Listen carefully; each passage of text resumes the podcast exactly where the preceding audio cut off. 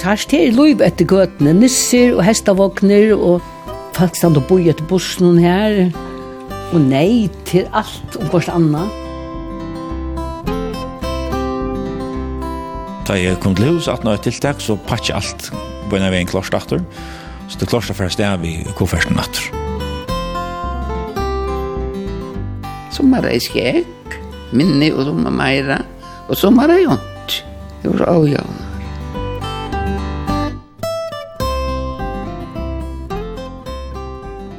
nostalgi, etla, som man også kan sige, langsøl etter farnare tøy, tradisjoner, etla sivenjer, og hone er og i kursen så er nøkker ting vi seta i samband vi hesa tøyene og Arnon, nu jólene stunda til.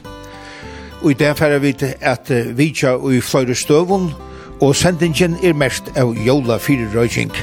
Hette er vi tåre og jóla.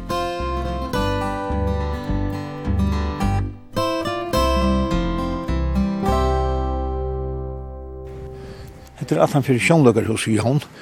Og her er det Kivanes fellesskaperen som er om år til Jóla, tror jeg. Og Akaven halte jeg fyrir til trondkjente familier. Nå? Ja? Er nok Jóla, tror jeg etter? Jóla, tror jeg. Skal det være først? Nei, altså, vi har ikke stående bil. Så ta... Ja, men ta vi ikke så langt i bilen. Ja. Hatt er ikke størst, da? Jo, klart. Hatt er ikke størst. Jeg hatt er folk størst her, da? Nei, bilen. Mekka størst. Er det noe det? Sier du kan minne? Det er det, du vil ha en minne. Peter Jakobsen, Petra Kammaren, ja. og i Kivanets. Har du selt neg jola, tror og gjør? Jo, ja, ja, vi har selt som, som vi pleier. Vi vant til å selge ut mot 800 tror vi har. Det er minka kvart år. Tog han verre. Det er øyelig han ikke kjøper kunstig tror jeg. Det er det. Tog han verre. Men det som vi tar mest er at det er til attervendende kunder som kommer kjøper tror jeg. Det er ordentlig deilt. Det har jo lyst kvart AKO-en fer til? Ja, altså i år er det fer til, til Jolla Jotna, til Badnabeda. Og her har vi så lett 72 kroner som vi vant til å ha vinningen. Så Det håper vi kommer vel vi her. De aller fleste som kjøper for oss det er fria stoler. Så det er glad for den stolen vi ger utåt till barnfamiljer og, og så som her, her, her vi er.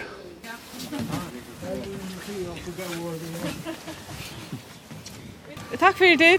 Arne Sørensen, var det ringt å velge jolatra? Nei, det er ikke ringt å velge jolatra, nei. Det er aldri ikke. Jeg lyder jolatra hest for. Vi er ikke hjemme i jorden, ja. Vi har valgt å gå en lyd i. Du vil ha jorden fra kortene? Ja, ja, ja. Det var det må vi ta. Vi bøtt ni skilt. Så vi får faktisk Vestmannen ødelig jorden i år. Så ja, ja. Det er vi ikke galt. Det var døylt av når her. Det var vi familiene. Peter Jakobsen, to er sjålande tatt med og fire et eller tid at, at det var veldig jorden fra Ja, sjálva det. Så hevde lukten inn i husen og det hele. Det er mer hyggelig. Det gjør mer jåla litt. Det kommer alla stedene før. I det var Einar Sjore. Han kjøpte tvei, tror jeg. Så, så det er alla stedene fra. Så vi, vi er øyelig glede for den stolen vi får. Utkjøntene. Det er hoksa man ikke om. Ja, det er øyelig nek som også det. Det er det. Det er imisk hos familien her her. Sommar skulle suttje trøyne, og ånder skulle bare suttje ett, og det er først til første. Og hette her er en, en faste tottor som helder fram John Kivanis. Ja, hette det fast fatter. er for at dette er gjerne står. Helt sikkert. Ja, takk for det, og gledelig jól. Jo, sjål takk, og gledelig jól.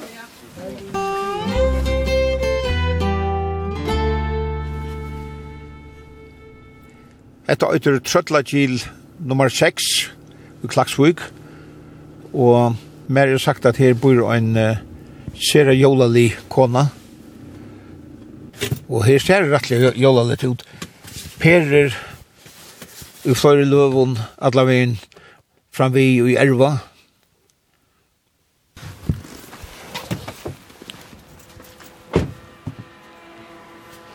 Husen er bygd ur sin gamla støyl, og her er noe som mest, men ser ut til å være en spennende gærer ovanfyrir.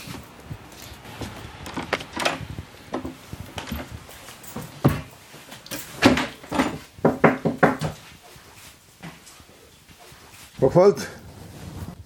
Jeg er så framligur. Jesus, Jesus, god kvöld. God kvöld, god kvöld. Jeg tomte. God kvöld, du var kommet. God kvöld, ja, takk, takk, takk. Ja, vi kan gammal kaffe nå. Det var nok så for meg at konan i huset var så utrolig jobba vi. Ja, så, hun ble kjortsvingt jo. Rutt Laksafoss, vi er i køkken, og vi standa framfor en uh, sera jólalian boi her, Eller annet bygd. En jævla bygd, ja. Jola bygd, ja. Ja, ja, ja. Det hun var litt. Ja, vi er øyla glad for henne. Nøkker Ara Bætje så gjerne hun begynte at, at det ble til. Og, og gæster så gav henter, så at uh, vi tiltaket skulle gjøre også særskilt til så djupe vinterkarmene. Og så begynte jeg med å gjøre modeller etter karmen, og så småtte gongt vi at uh, gjøre pappmasjé. Mm hvordan alt skulle være, så at uh, vi tar en fel av som funnet av hvordan det skal være. Så kommer Sinter første året, og det er liksom støvet vokse for hvert år. Gerst sier å hukka seg vis ned, så at, og heite det som det er det. Og pappa man sier, altså det, er, det ser ut som det kave. Det ser ut som det kave, ja, ja, men til bakken og... og... Det er fjall, er det nesten. Ja, fjall, og så Eien gonger holdt jo fjattnen og tjøkken alle bygdene, og ut av kjekv. Så er gøtene her, og, og her er 8, 2, 3, 4, 5 hus, og her er uh, gærundan om kvørst hus, og kvørst som lite, og så er Eien, og så fann han til at han skulle gjøre øyne mille. Og hun meler øyne her, hvis nå neste vi uh, jule, og Og så er han eh, kort kvist på i ar hver og i alt mjøle vi loste ut i kjøkkenen kvisten. Og her henger en mjølsekker i, i taljen her. Og en lastbiler akkurat ved et været, så han er halva ved ut fra millene, fotler av mjøle. og så tar man arbeid så hardt, så er man tyster. Så han har gjort en stor bol med flott bor, og Og en jævlig øl av båren. Kan du tro at man kan gjøre så små ting? Ja, ja, men hva skal gæst kan gjøre alt, altså. Så får man herfra, kan man forvoje i kyrkjen og slappe av. Og, og horn er åpen. Og, og, og her er ljós. Og her er ljøs inne, så her er løpar av gulven, og prester får lytte ørene til nå, så han er ikke akkurat nå. Du sier, jeg kom her utfra. Ja Og presten som har til kyrkina, det er Henus. Okkara fitte prester som heter Henus. Så, men han var opptidsen på et nå, så han kunne ikke være, være til steder akkurat nå kvalt. Han er ferdig nå i støypeformen. Så vi gleder oss neste hjelp, han var han klarer. Og hestavåknene tar kar øysene for boje. Hette er sira honalit og ser ekkert livandi ut. Du sørst her i lov etter gøtene, nisser og hestavåkner, og folk stand og boi etter bussen her. Så du er stekkelig jolali? Ja, ja, altså, det er november man kommer ta for fruene kjølsving. Men altså, hva skal vi elsker bæge jol? Hukkokken og pynta og bæka, og så... Okken damer øyla vel av å hava gløgg, rusalamank. Det er nesten altså, en, en faste totter hvis vi får gjester inn og sånn eka. Så det ble vi det er en så honalig tog som i halte er virkelig en verst av nøyta, er en jævlene koma. Så ta er jævlene så kjøtt lio. Tøyen som er fra november og inntil jævlar halte er et an den viktigaste tøyen hver man altså, virkelig nøyter at heva jævlene. Jeg halte også en øyla fitter og honalig. Ikke så stor og ekvislig, men, men honaligur. Ja, altså... Og, og fyller atlan karmen. Ja, vindarkarmen. Og faktisk, altså, jeg vil si at øyla nekv luiv og en sånn luttleir bygd som er her. Man kan bruka nekva tog bare sida, ekla i alt. Og nu er du uh, pensjonister, men du seldi underklæger nekvara? Ja, ja, ja, det er dommer lukka det som er her. Det var øyla stuttlet på kvarsen mata, men... Alltså vi hatt nekva nekva gåva kontar och det var så stortligt att jag norska i sted. Alltså så var det ösnet till att uh, köpa jolagav till kona. Det är alltså ösnan uppgava som är plötsligt vittor Het her vi at djeva kon en, en, en seila for kjepa sjål, den doa ikk. Altså, om det så venter over til en fær gavn, det gjør han ikke, men at han er veri boi noen og kjepta henne. Det er alt avgjerant. Så vi hørte så honalig kvöld hver vi valgte bare at uh, her var kvöld for menn, og alt annet ble lukket ute, og gardiner fire og skilt jeg horna, bare for menn. Så høtte vi et uh, eplaskiver og gløgg, og, og det var altså en virkelig uh, stemningsfotlig det jeg hver, og, og, og, tok meg inn, og, og selv valgte hva det kjøpte til kona. Det var virkelig stortlig, altså er oppe nekvar var glede oss nede. Selv at vær, ja. Og så sier er hun ikke fornøye hjemme, så bor hun selv om at det, så du hvert fall, vil bo hun selv og givene henne kan vi, ja. Kunta stemningen som man hei og en handlige, og jeg sa det kan vi glede og kløler, altså. Det var hatt spesielt. Nå er vi kommet her til at at nå nissen er det, det er som er det stortligste.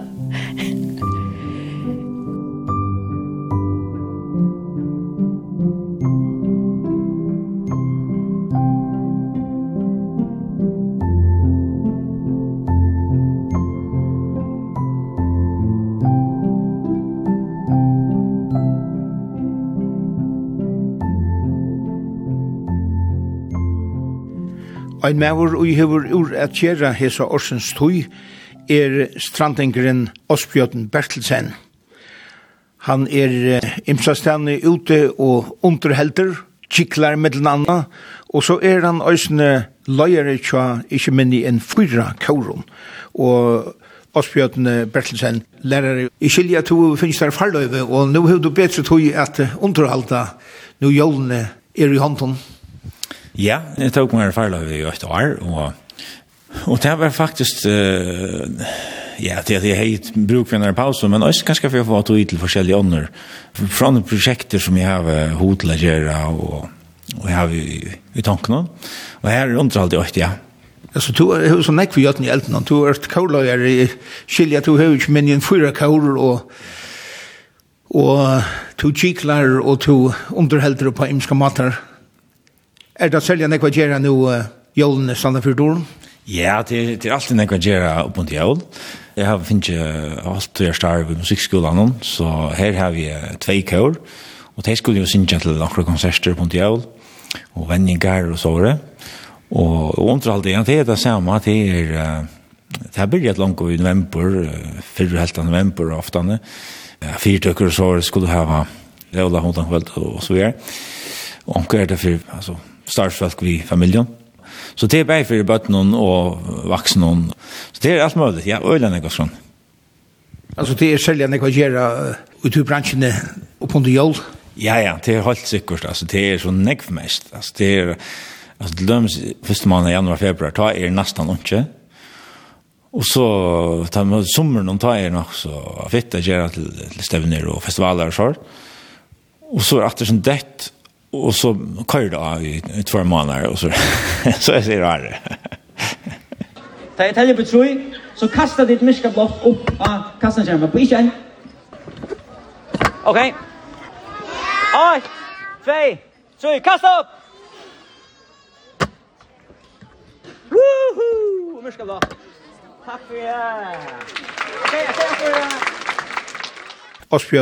Hva er det som driver verset til alltså i fisten där började jag ta ju högt på i att mot show skulle vara så öle gott och och sa kom ta stora ut hur hur så gott mot äckna vara men så snägg Arne har vi lagt näck större ränta tas med fai efter för publikum någon när från botten och och de vuxna alltså att ta sig och flänna och och prata på ju sort. Det har alltid är det som som gör att man tror man tumlar blövit alltså det som är gör alltså det är ju gammalt för mig jag sålt det nytt för botten ganska. Men det er nok bare som kommer til, og så sitter jeg det. Og det er flenne etter som tenker noen. Det er nok så stort litt. Det er smast, og det er flenne ganske etter. Hvis vi misser åker ting av gulvet, eller hvis vi sier åker skøyft, eller så sjåer. Det er eldre, det er ganske flenne mer etter og sånn årasbølen og, og forskjellige sånne som sier. Og til vaksen, det skulle løsne jeg var sint, så det er få ganske åker som bøtten ikke skiljer, som før og og iverhøttet at han er små av. Ja? Og skal det være jola litt til så tøyna? Ja, jeg synes det jola litt skal det nok være, men jeg, jeg halte jeg mye underhald, det rikker alt og er. Og så er det også til vi at uh, det er jo egentlig at vi helt imisk show som vi har. Altså hvis vi får utleve familie til det her som blir bøten, så er det uh, det som vi kaller for familieunderhald, eller badneunderhald. Men så er det også jolaborhaldene. Da er det bare vaksen, og, og det er også verskapet, og så er det. Da er det noe helt annet Da var det bare stand-up, og jeg har noen dukker som prater, og en, en gammal mæver som forteller skrøner og, og reiper og sånt, så han er veldig populær med den vaksne publikummet. Men du er så også, som sagt, fyra kaur i hesson døvun. Hvordan først du tog til alt? ja, det kanskje er det tog jeg til ferdig farlig. I 25 år har vi haft gospelkaur og voks, Det her kører nå så sånn at vi gjør noen prosjekter. Så bare nå til dem så har vi ikke i kalenderen, og så har vi en lenge i alle ferie. Og så har vi, i Strandton har vi et kveldsskolekør, Stranda Sandkør. Det er så fast hver mye kveld.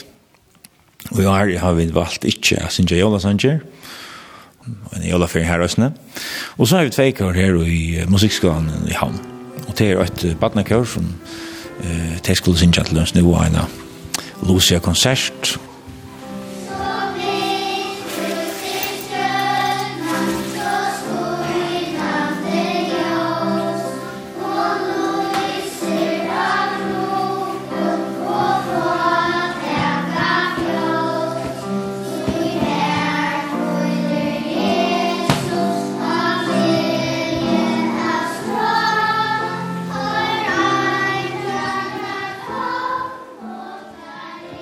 kvöld har vi et ett annat kvar experiment som jeg har givit till nå i år. Det var ikke når vi kallade ungdomskjør långt, det är som ikke vaksne og atlet. läsa. de skulle også synes jeg konsert, vi skulle også til okkerjøle halvt her tar Tøymund. Så de er nok så aktiv, kan man si. Det nekva av tusen det synes jeg de er ser just til torra. Og her er i ferden i Skekvanar, så sikkert Siversen, som har haft det, Ødla Arne, siden det blir av.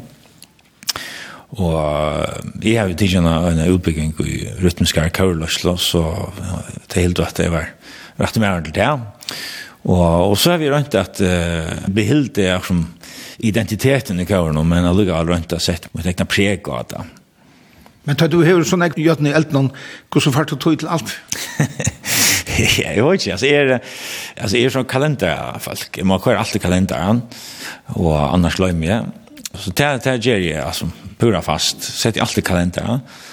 Och så huxar jag faktiskt inte för länge fram, men det är som en dag egentligen och fyra är mentalt en dag sen. Till döms nu tar jeg vøyt att det ska ha något så negv tiltøk av jævlun, eller i december, november, december. så ger jag åt show som har heva alle tøyna, så jeg kan, kan brøyda okkur. Jeg fyrer ikke mykje til hvert jeg har sådana så bord som kassa som allt stender i. Och så stender allt klart. Så fer jeg da jag kom til hus att något tiltak, så patcha allt på en väg klart atter. Så det klart för sted vi kofferten atter. Så för neste sted, och gjør det samma och så hver som ger triksene, så kastar det brenner i av båret. Och så lever så atter hjem, så patcha det. Så det klart efter.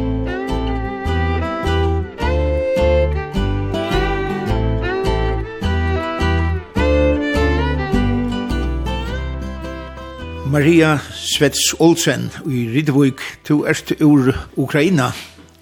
Hvordan er det jolen i helten i Ukraina?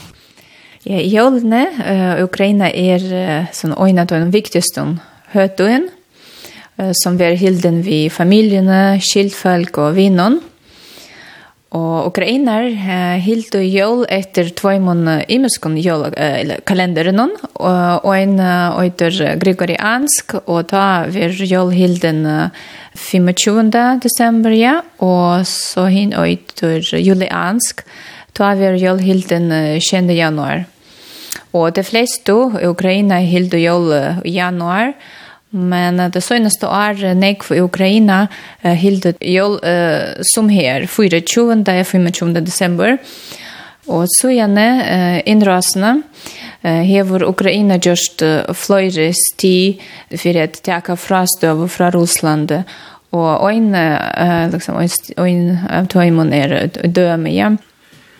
Det er jo den ryska ortodoxa kyrkan som hade jul i januari måned. Ja, och Uh, Ukraina vil uh, ikkje longo fylgja sivenju tja russisk ortodoks kyrkjo, og i samband vi at uh, som fagna jól.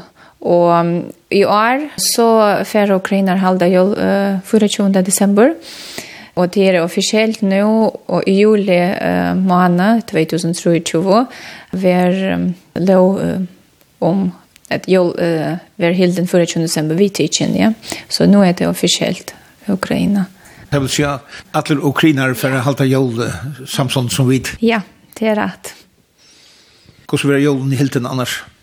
Da er vi lytel, jeg minnes det, mine foreldre har helt jul alltid satt 20. januar, og uh, det samlet oss sammen med vindfolk, og vi gjør det som imiske rater, og Och ju fler rätter ju bättre så kan man sitta lunge vid bordet och prata samman i men som bötnen och spalte ja, samman.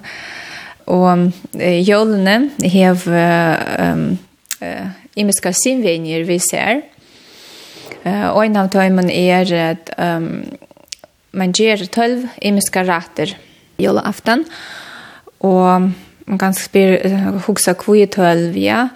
Och det är det som tver tolkingar av, uh, av hesen, ja. Og inne er et tølv måneder i årenon, og hit er tølv apostlar. Ja, så er det en gammel er Sinja Jola Sanger. Da er var so så har vi gynnsje sammen vi og vi sungu Jola Sanger. Vi hevi gynnsje fra hus til hus. Og efter fyrir så fingo vit et litt pening etla okkurt søt. Så er det flere folk som uh, velger å fasta. Ja, før til det er å er en jål, og så kunne det ete som grønnsetter og nøtter, frukt. Jåla aften, Så jeg vet det ikke uh, kjøttretter og retter ved eik og mjølkeprodukter. Ja. Det jeg kunne ete det ikke for en dag etter. Jeg første gjør det. Så et område pastor av matbarnen er uh, kutja. Ja, og i førre og i Danmark så uh, får det uh, rysalamang, ja. Og i Ukraina så uh, er det kutja. Det er en sammensetning av kokon, uh, kottenkjøttenen, hunanje, torskom frukton, biskes, nøton. Og det er en sivenja at uh, byrja joladøvre vi at eta kutja. Så det første jola det ta fer uh, nek folk i kyrkjo til en uh, godstjeneste som fyra parst. Og så 18 år så samlas uh, aktor vi i familien og vinnun. noen att vi mäter både och det som fasta kunde gott äta en kött rätt det. Vi var vikende jolagaven ta över baden så fick jag inte jolagav jolafton istället för det fick jag en gav aftan, ja. Det du gamla. Ja, det då jag fortällde ta över baden kost det var ta och det är fast nästan 20 år sedan när jag flyttade ur uh, Ukraina ja. Så jeg har hilde jól og i Danmark og i Førjøen. Men jeg gitt det er nekvar ukrainer som fer at halda og fram vi det gamle syvenjen og gjøre imiskar rater jola aftan. Ja, samlas vi familie, vinnen og Så du man ikke alle ukrainer for at skifta til 24 og 25? Nei, jeg husker at det er å skifta, men uh, det er å halde jola aftan 24. desember, men det er å gjøre liksom, tølv ratter uh, da kveld, og det er færre først vi samlas vi familie, ja, vi noen. Jeg mer damer vel, liksom, uh, han måte føringer, danskere halde jola, Jeg har alltid nu och hon är lite. Familjen sammen, og vi tog noen, og, og få lägga mät och hitja ett bötn och någon kusoter och spent og glede, og at de åpner gaver. Ja. Få det tonne og snir i Rydvig jolaftanskvöld? Ja, det gör vi. Ja, det donna mig ordentlig vel, ja. Mm.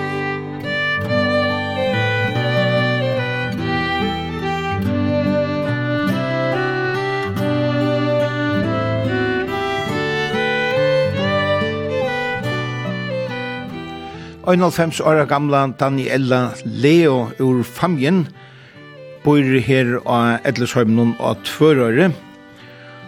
Hon er annars atta ur Sumpa, og jeg atle han spyrir henne og synder om eh, jævl og badnaarne, og anker har sagt fyrir meg at hon bintur og virkar negv, som veri lete som gava, og Jeg husker om at høyre om jól og badnaårene tjåne og i heimbygdene sumpa. Og nå kom jeg inn av kameratjåene her av Etlesømnen og Daniela, hva er det til å sitte og binda? Teppor ut i verina. Jeg har bunt inn av sånne rykk. Hva er for deg? Jeg vet ikke, det var omkring ut i verina når bilene kører deg. Det er jo ikke, det kan ikke skåles bøttene ganga ned nætsjon, syndaklet og sånt. Oi, ja. Og her er det gode liter, så tja. Jeg prøver meg fram. Fævor reier liter og grønt og kvitt. Jeg tror ikke jeg ser på mitt mal hvordan går stor det er. Men det er nok så stor. Det er bunten og stikken. Ja. Så tja, det er her i sofaene. Det stretcher alle sofaene. Ja Og så nok vi har bundet, de vil ikke vite. Og de vet det helt ikke. Men det er nok. Det er flere, flere påsar. Så kommer anker etter du? Det er han skilling. Han der har det vi og til voks. Og så vet jeg avleveret det nye for å gjøre noe. Jeg vet ikke hva klus er ganske sånn. Det sitter her og binder på hver rommet så får jeg det vi gjør. Som baden gjør du til til nekbors ur jolden og nøysene? Det var ikke åtte bare i seg og nei til jeg går, så går det nok om julkeisen. Høner er jo greisene, så jeg har består ikke å reipa nå. Og hvordan vi tenker å spille vi, har du tenkt å spille vi ta? Ja, ja, ja, ja, ja. ja. Men Ikke det som det var nå. Jeg skammes å si at dere spilte vi senere og går i overtak. Vet du hva det er? Ja, det skal jeg si at det. Og leit et leit som jeg skal dunke nå. Han er i husene. Ja. Og så funnet jeg for det som jeg funnet der vasker jeg så høyta så spiller vi. Men så penger var jeg kjøpet for. Hva er det her til dem som du har funnet her? Så har hun bøtten der lirker og kopper og sånt. Ja, ja, ja. Og så spiller vi kongen og så det. Hva sa jeg konger? Det var av NATO. Tjena man tok det. Kongen var i sin store, og lagene var i sin minne, og porskene var i så sniderspøts. Det var så ringer av fettla. Inne var det seer. Det var blek, blek, ble ikke. Så du i bussen endte. Så skippa jeg mann, og spilte vi omkring, jeg vet ikke hvordan det råpte det. Man heit var steinar, og så lepa man anna neis, og med ein og alt køyre ondt og Få fleita seg vei, i neis. Jo, åt i eina dukku, nei, hun er bare sauro. 5-20 centimeter? Og sauro, ja. Det er en dukku med vår. Ånds vil jeg, altså, jeg fikk han. Det er eneste dukku jeg var det jeg har haft. og grei sokka, og brukt langa sokka bunte. Så på bokkade jeg der ute, da leie jeg henne sammen, kort så gikk ned i bor. Kort så klei ut for trom. Bunt så snøri om. Da går ferdig. Det er god til dokkra spela. Og spelade godt, vet Ja, som åker bo, jeg var målgull da jeg kom i fyrsten jeg begynner vi. Her ser man av gulven og målten. Det var nok så långt husen. Det stod och køk og kammar. Alt i ena rydden. Det ble byggt nere av gråd. Og så vet jeg, jeg vet ikke, det var grekk vilja forstyr. Det minnes de ikke. Jeg tror det var en pifor. Seks gjering grunn og ytla håndjapatt og ytla grunn og ytla Og det var torv først rom. Tem du kubera torv. Var det lengt av bæra? Ja, det skal jeg si at det er akkurat bæra helt oppi under fjallen her. Og hus. Kjenker du daglig etter torve? Ja, jeg har ikke vært bæra. Jeg synes det må en vei inn til her ofte. Og måtte bæra at inn til vetron. Appa så hva går av liv og grei kottjor i husen. Tver kottjor. Den nya jag till torv. Han ligger där så pent upp. Så sväm han ut där över kudden. Men det var ett ringvitt. Man måtte fyrst, syste sång og fyrst stoppa. Men man fikk alt vis og være gøtene. Ja, jeg har gått av batna der, det er sikkert. Efter bare godt. Annars er jeg nok ikke sitt i er alltid. Hvis jeg ikke har det så godt som batna. God synes Det er vi arbeid. Og jeg tvei neit og ein kolv. Og det skulle man gjøre ha og mjölka. Og så ville jeg rudgjøre smalombånd. Og det var ikke ferdig ut ved tog, så skulle man ha sopa samt på huseisene. På en eneste morgen. Og fikk du ditt uh, nekv godt at eta av jolun? Nei, jeg kunne ikke godt eta. Ja, kjøtt og anker til dunne. Ja og gå, sier hvor. Men så bare man ikke lov av å gå. Gås og ross var ikke løyv vi her vært i her bygden. Jeg vet ikke hvor. Han hadde smittet på noe kollega vi hadde, jeg vet ikke. Kjørte du nekk borser ur jollen og da? Punkt opp under loftet. Såret som, som ikke var ferdig. Såret som ble bondt til? Ja, ja, ja, det er gram grammeter han jo. Og det var jola pinte? Ja. Og grei eisne fløkket og brottene, og grei bjølkar og gammaldags. Alt gammaldags. Så nisser opp av brøstet på ordene her. Som er ei skjegg, minne og som er meira, og som er ei ånd. Hoksa du nek om de falskene som få teppene? Ja, det er helt sikkert. Jeg har sett noen når jeg gikk vi i fjernsynet. Gikk vi opp på armen som mye som det har funnet kjaft. En over, så en av nye, så Og brett ut i på folk som ligger av fortavn. Og Jesus navn i man. Litt av ser man kroppen, vi hette jo torkla godt av ser man. Sintan litt av suttja.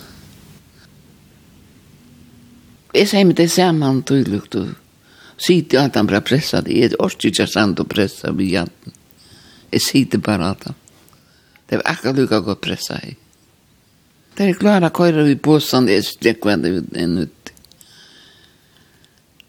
Ein av var det så langsomt i midten du er i alt, hvor jeg er i fyra eller fem estur vi teppa. Og da var tog det du fotograferat teppen jo med en rikva da, og betur.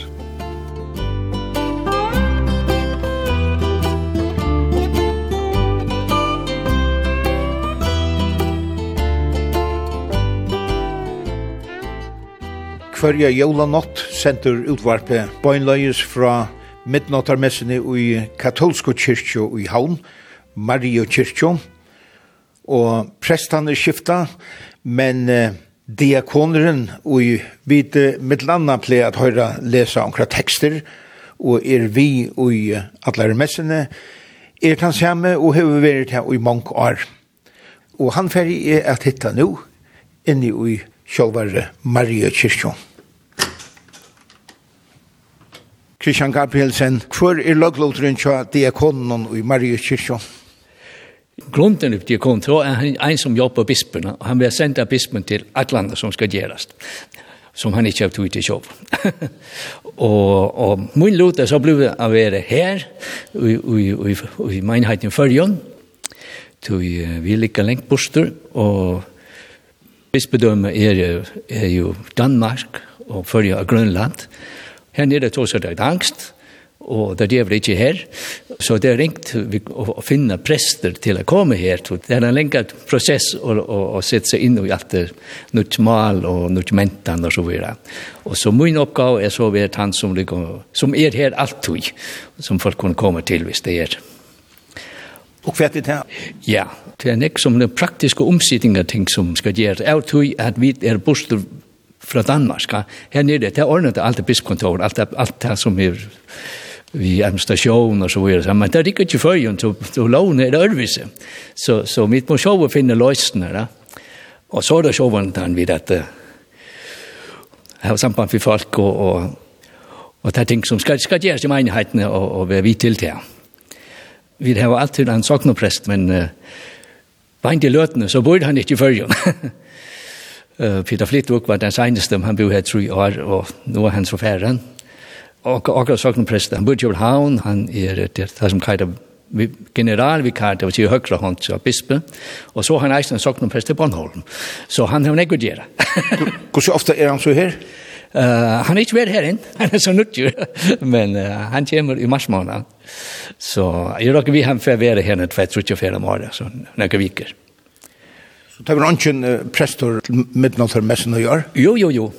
Han er så sånn prester, men, men uh, Vi søker så fire at skaffa vikarer som er her en, tvei, tro, tjo, fyra viker av agentina, og så røyna fytla kalenderen ut. Da. Så inn i middelen så var det, så var det et hål, sånn at en fest der, og vi får ikke en komme noe tidligere. Så, så har vi en godstjeneste her. Men det er ikke en messe, og det har vi sløyt til. Og til nekver utlendinger kommer som uh, hava ta katolsku trunna. Er det så at kyrkjeli er nek vakse? Jo, det er vakse. Lyd sinte alle samle tøyene, men uh, det sørste 22 årene er kommunikasjert. Vi er 300 nå. Ta jeg kom i her første ferie, i da halte vi hver halvt trus. Ja, og, og i år er det så tannsærlige støvann at det var søgnast for at uh, fransiskanersøstrene vera her til uh, midnattarmessene. Torra løglotor vera ikke mer, men Hva fyrir er merkja han godsannasna? Ja, det er noen røtter som mangler, det er så må han synes jo vel. Men... Det er to alle disse her... Ja, ja. Noen så heter det messer?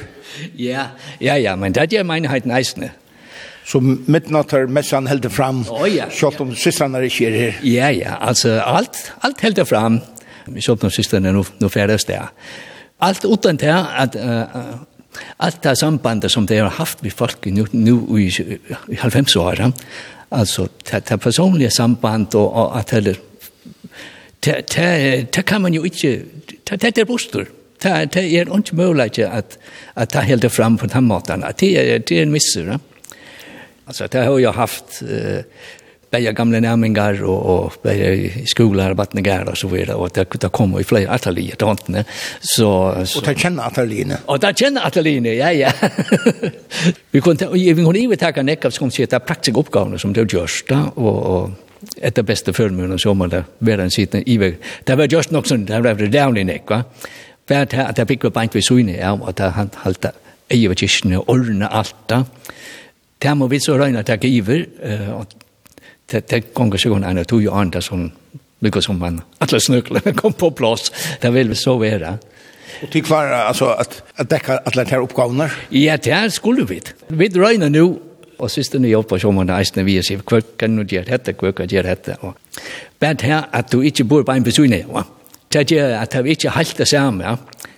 Så det, det kan man säga att det är en eisen misser. Men det må være sin sorgblod at uh, vite at det er sønneste ferie til samme vitt ikon her. Ja, det er det sjåvende, og det har det vært lykket for den dagen vi finner vite. at det får færre, så, så det er ikke det samme, det er det ikke. Man kan ikke lære som om det er her, for det ikke er her. så det er en stor miss. Altså, hvis det ikke er her, så er det ikke kjøst i være. Altså, så enkelt er det. Det er systerne som har sikkert fyrt alt vi har bygd opp og, og, og til det som det er i det. Så hette det tørre versk? Det er tørre versk, ja, det er det. Men støen, eh, det kan ikke være øvelse enn at her må være at det er så som får og, og tar eldast. Ja, som, som det er siste fellesskaper, selv i Vesterheim, at det, det får ikke tilgang. Så, så på en tidspunkt, så stekker det opp, altså, og, og så har vi så haft den, den spesielle det er faktisk på grunn av danskarna at, det, att det er håpløst å få systrar utlandet fra, altså fra, fra Tyrheimen. På grunn av hvis det her, ja, det er Mohammeds lover, altså, alltså terrorina från, å ikke få muslimer inne. og så ganger det ut i Varokkom. Jeg tror at utlänningarloven, alt, alt, det det er fer alltid gjort i Danmark. Så det er håpløst. Så utlänningar har lukket som skund under gångna? Ja, altså, ja, men det, det her så vet jeg samme, jo, lukar väl. Men alltså som säger att systrarna där har några systrar ute i i Treheim, va? Som man gott kunde täcka, men men det är hopplöst. Vi där var syster Rosapin som kom här för en två år så sedan. Alltså det var så tungt, så tungt, så tungt. Och hon släpper inte ja Alltså hon får inte snacka ja Nej, nej, hon får inte arbetslöva. Kjenner seg ikke sindre åratvust? Jo, det er det. Det er det avløp av religiøs folk som så røyna at uttinne sin religionsflatse. Ja. Det er det veinleis avløpet. Det er nok fyrir reka muslimene mest. Til sommertime er ikke så fitter, men det kan gå ut over alt. Så hendan her støvan som er kommet og nu i at her må færa om lovene ikke var så strenge, så har jeg togjen kommet bare 17. Ja, ja, det er her kommer alt. Det er ikke sister, selv ikke Europa, til at det er utfylle plassene. Hvordan er det her, jeg er stedet? Sisterne er jo misjonssistere, og man kan si på en måte misjonen er etnast her. Tui, en kyrste er her, en meinheit er her. Og så er det kanskje tui jeg får vore. Men det er nok ikke årsøkjen. årsøkjen er at, at, at det var ikke noe mye siste tekker av. Men eh, midtnattermessan, jola natt, hun vil han samme. Ja, ja, altså, nu har vi sagt alt det her, alt det gode som siste har gjørst, og alt det misse som er, men uh, hvis man hikker på det fra framöver så sier jeg, fire, var vi 300 katolikker, 18. 1. juli så vi 295. Så vi er her den. Det er vet jo så gjort hva var spennende, så det er har vi vært så igjen. Det er nesten fra første ferie. Ja. Ja, men Christian Gabrielsen, diakoner i Marie Kyrkjø, takk for pratet og ja. gledelig jól. Ja, selv takk. Og kanskje sier gledelig jól, og jól er næsne. ja. Vi så kjøst, kanskje ja. jól og nått her. Det håper jeg, ja. ja.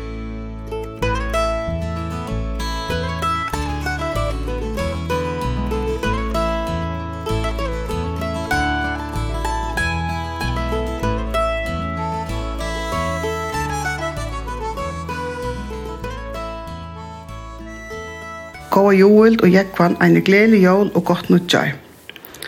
Til min deilige binteklubb, til einki vi familie, til Elsbo vi familie, Andrea vi familie, Eila vi familie og Sovra vi familie. Tykken ikke er en gledelig jól og godt nutjar. Hette er av Brekk og Klett nummer nutjo av Tofton og han Sina Magnussen Det er sagt for meg at her damer vel at lort et jólehølsen i utvarpnen og ikke bare av jolen. Ja, jeg lort ofte urstu i øsne. Du, det gjør noe øyne godt for meg. Jeg har sittet og, og klippet pynt til brittlopp til bøtten midt om sommeren. Jeg har Haft jølelser fra. det er godt nok vi har som et linne. Hva gjør det? Det gjør noe helt særlig til jeg mer, og når bøttene mine kommer frem, og ja, det er helt fantastisk der. Og jeg synes til at folk er utenlandet, og akkurat som ut i løtene, det er ikke synd i dem, eller er lunches, det akkurat, det er lunches, og på ta maten, ja. Du er samkjensla vet du, Ja, faktisk, ja. Det er øyelig hun alt. Jeg fer inn av kvf.fo, og så løyte jeg på jølhalser, og så er det her. Så det er nevnt nok. Ja. Hette hesar er fra 22. Og jølhalser har alltid sagt her nærkast herlig? Altid, ja. Ja tog at mamma tjekka hjemme og bekka jeg og fyra gav jeg og låta vær så hon litt. Og så er det så hon alt enn. Ja. Og, og nå er det altså Alex Berensen som er lykka som det som er fytler hette huset. Uh, du tar det jøl til han er fra. Jøla gleden tar til bandet er fra. Ja. Det er helt fantastisk.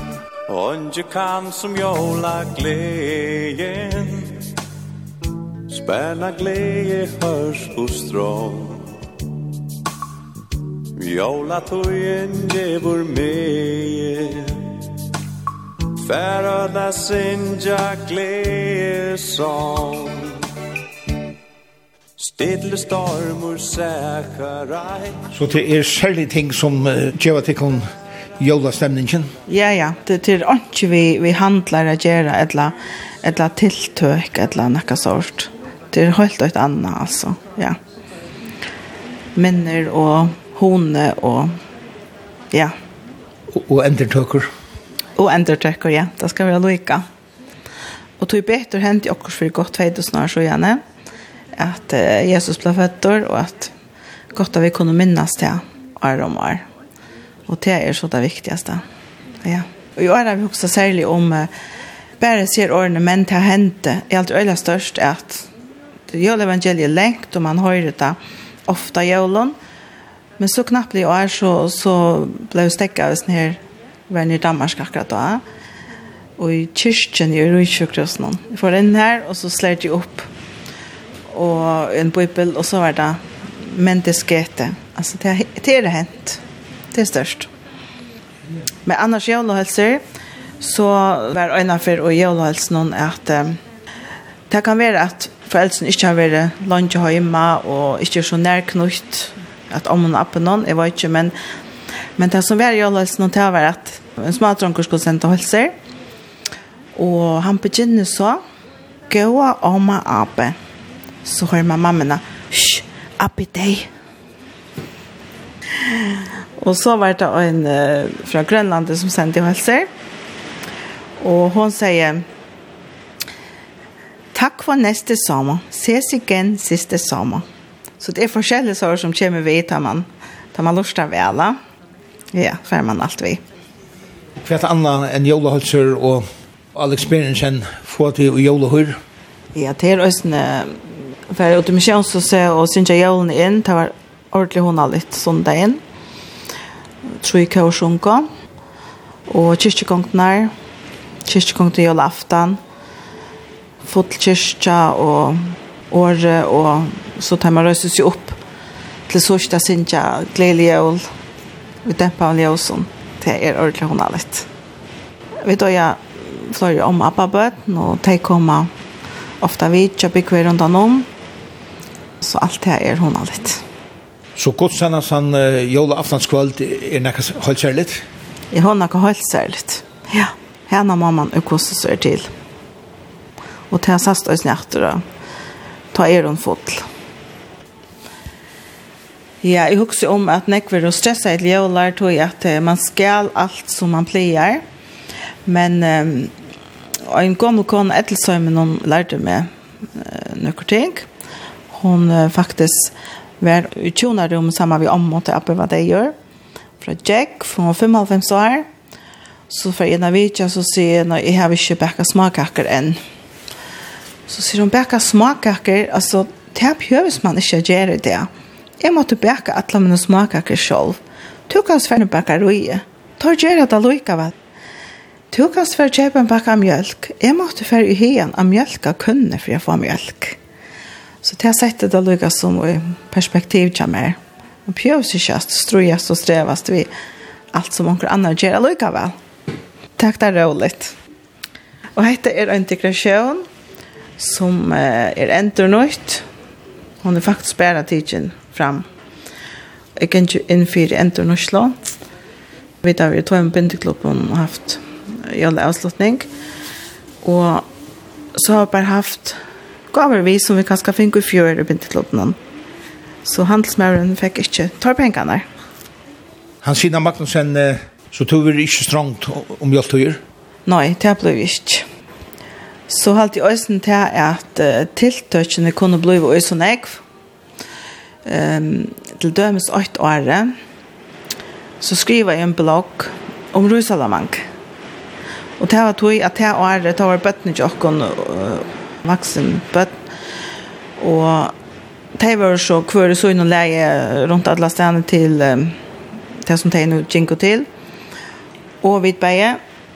Og det var sånn til året skulle vi ta en skala røysalamank til alle tiltøkene som alle gikk til. Så det ble tølv skala røysalamank innenfor en tjej der. Som jeg skulle gjøre ut av husen. Stand og koka og levere en skala røysalamank. Og och allt var tillgå till dök men det ble bara synder, och ju såna var i Sandbank. Till det at man får till såna tilltök i desember måned, så får man faktiskt ikke tog att sitta i sin egna køkje, vi til dømes i Ålhälsson och koppla ur och nöjda løtene. Så min avhøytan er, gira nyår, slappa av og nøyt jævlene.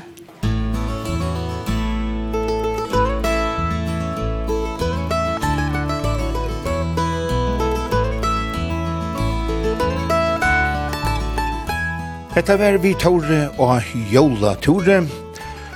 Og Toren er attor i utvartnån torsdag klokkan 11 og leierdag klokkan 4. Og er øysene og heimasøyene tja kringvartnån og som potter. Vi Tore og Tore hever søyo av Facebook. Her er og bæge mynter og anker videobrot og det var etter øysene fra Hesson Torenon nu er det jól. Så hette er søgnaste turer av Hesonslemon i år. Om god vil, høyrast vidt atur kommande i år. Gleili jól.